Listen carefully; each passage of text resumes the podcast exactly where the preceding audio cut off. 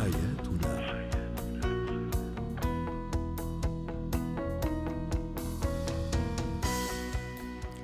نجدد التحية لكل مستمعينا ومستمعاتنا. أنتم تستمعون لبرنامج حياتنا برنامجكم اليومي الذي يعنى بشؤون الأسرة وباقي الشؤون الحياتية الأخرى. زينة الحياة.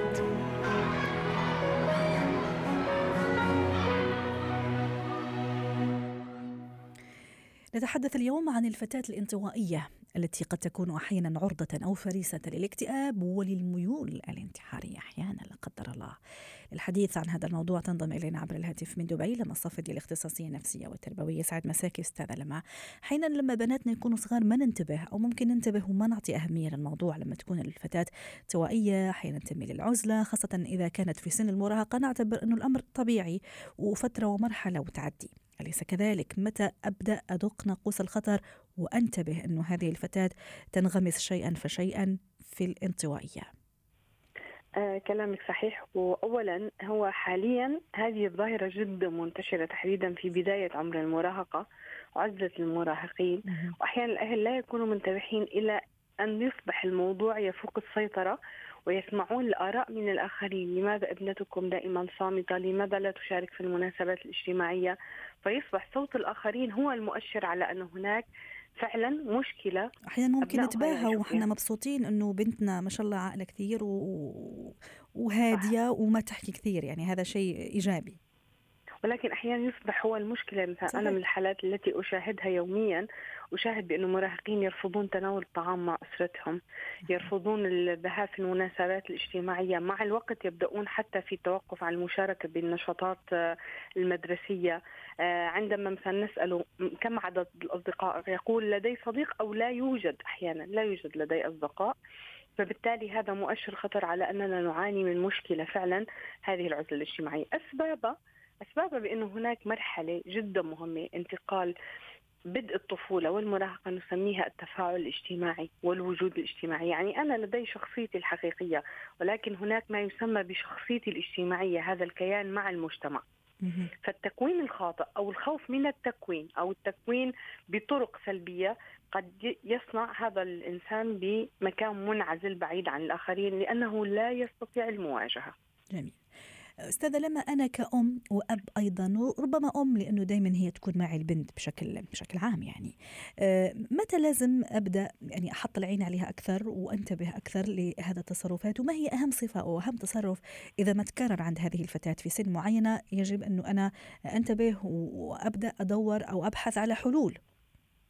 آه، تعقيبا على كلامك بأنه أم أو أب للأسف بأغلب الأحيان يأتي الأب غاضب ويقول أنا ابنتي ليست مريضة أنا ابنتي لا يوجد بها شيء. نحن لا نقيم هنا نحن لا نقول بانه هذا الشاب هو مريض.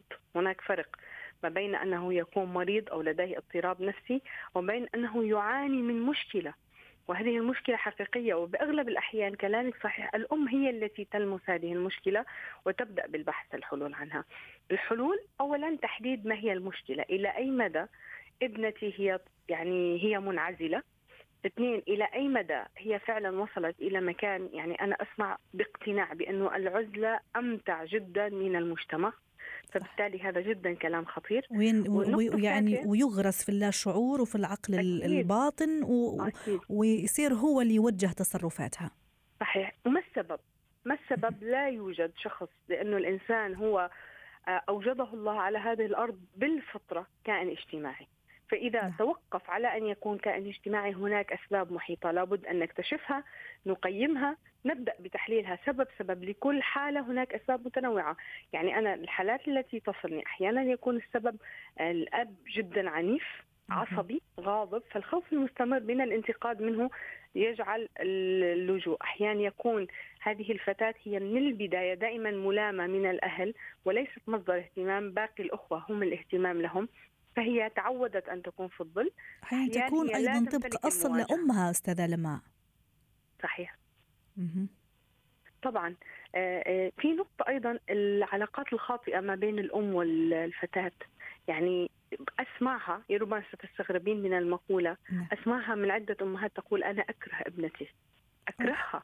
لأنه هي تكره هذه الشخصية. هي رسمت بمخيلتها بأنه أنا ستأتيني ابنة آه، يعني في المجتمع منطلقة قوية اجتماعية فبالتالي هي تعتقد بأنه المثال الموجود أمامها ليست هي الصورة التي هي تراها في ابنتها. جميل. أو لا تحبذ ولا تشجع. فبالتالي كلامها السلبي أيضا يدمر هذه الشابة باستمرار ويجعلها انطوائية أكثر وأكثر. طيب رسالتنا اليوم ست لما من رسائلك الجميلة التربوية المفيدة والمهمة دائما.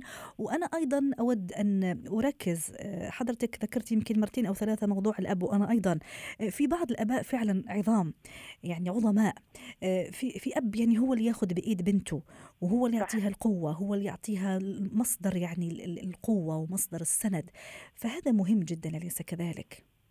أكيد طبعا لأنه أنت بتعرفي بهذا العمر المثل الأعلى هو الأب صحيح. وليس الأم دائما بعمر المراهقة يكون بنسبة أكثر ما تفوق 60% تركيز الأولاد على والدهم مم. تصرفاته حياته فبالتالي إذا هو كان داعم يعني ممكن حتى أحيانا نراهق نشاهد المراهقين عندهم سمنة مفرطة فبالتالي الكلام الإيجابي بأنه من قبل لابنتي انت جميلة أنا أثق فيكي أنا أفتخر فيكي أمام الآخرين قد يدفعها فعلا إلى مواجهة مجتمع باكمله والعكس صحيح. نعم.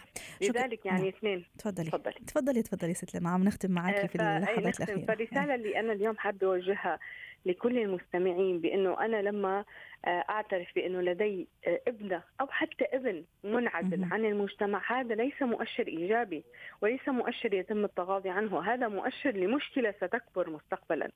لهذا الشاب أو الشابة الذي اختار الانعزال سيختار طرق أخرى كي ينفس عن غضبه ربما تكون غير صحيحة وغير سوية. صحيح. لذلك لابد أن أجد الحل. لابد أن أبحث في سلبياتي وسلبيات الوالد والإخوة والعائلة والأصدقاء أضع يدي على النقطة أو عن طريق مختص مستشار ونجد حل لهذه المشكلة. شكرا لك. لما صفدي الاختصاصية النفسية والتربوية ضيفتنا من دبي.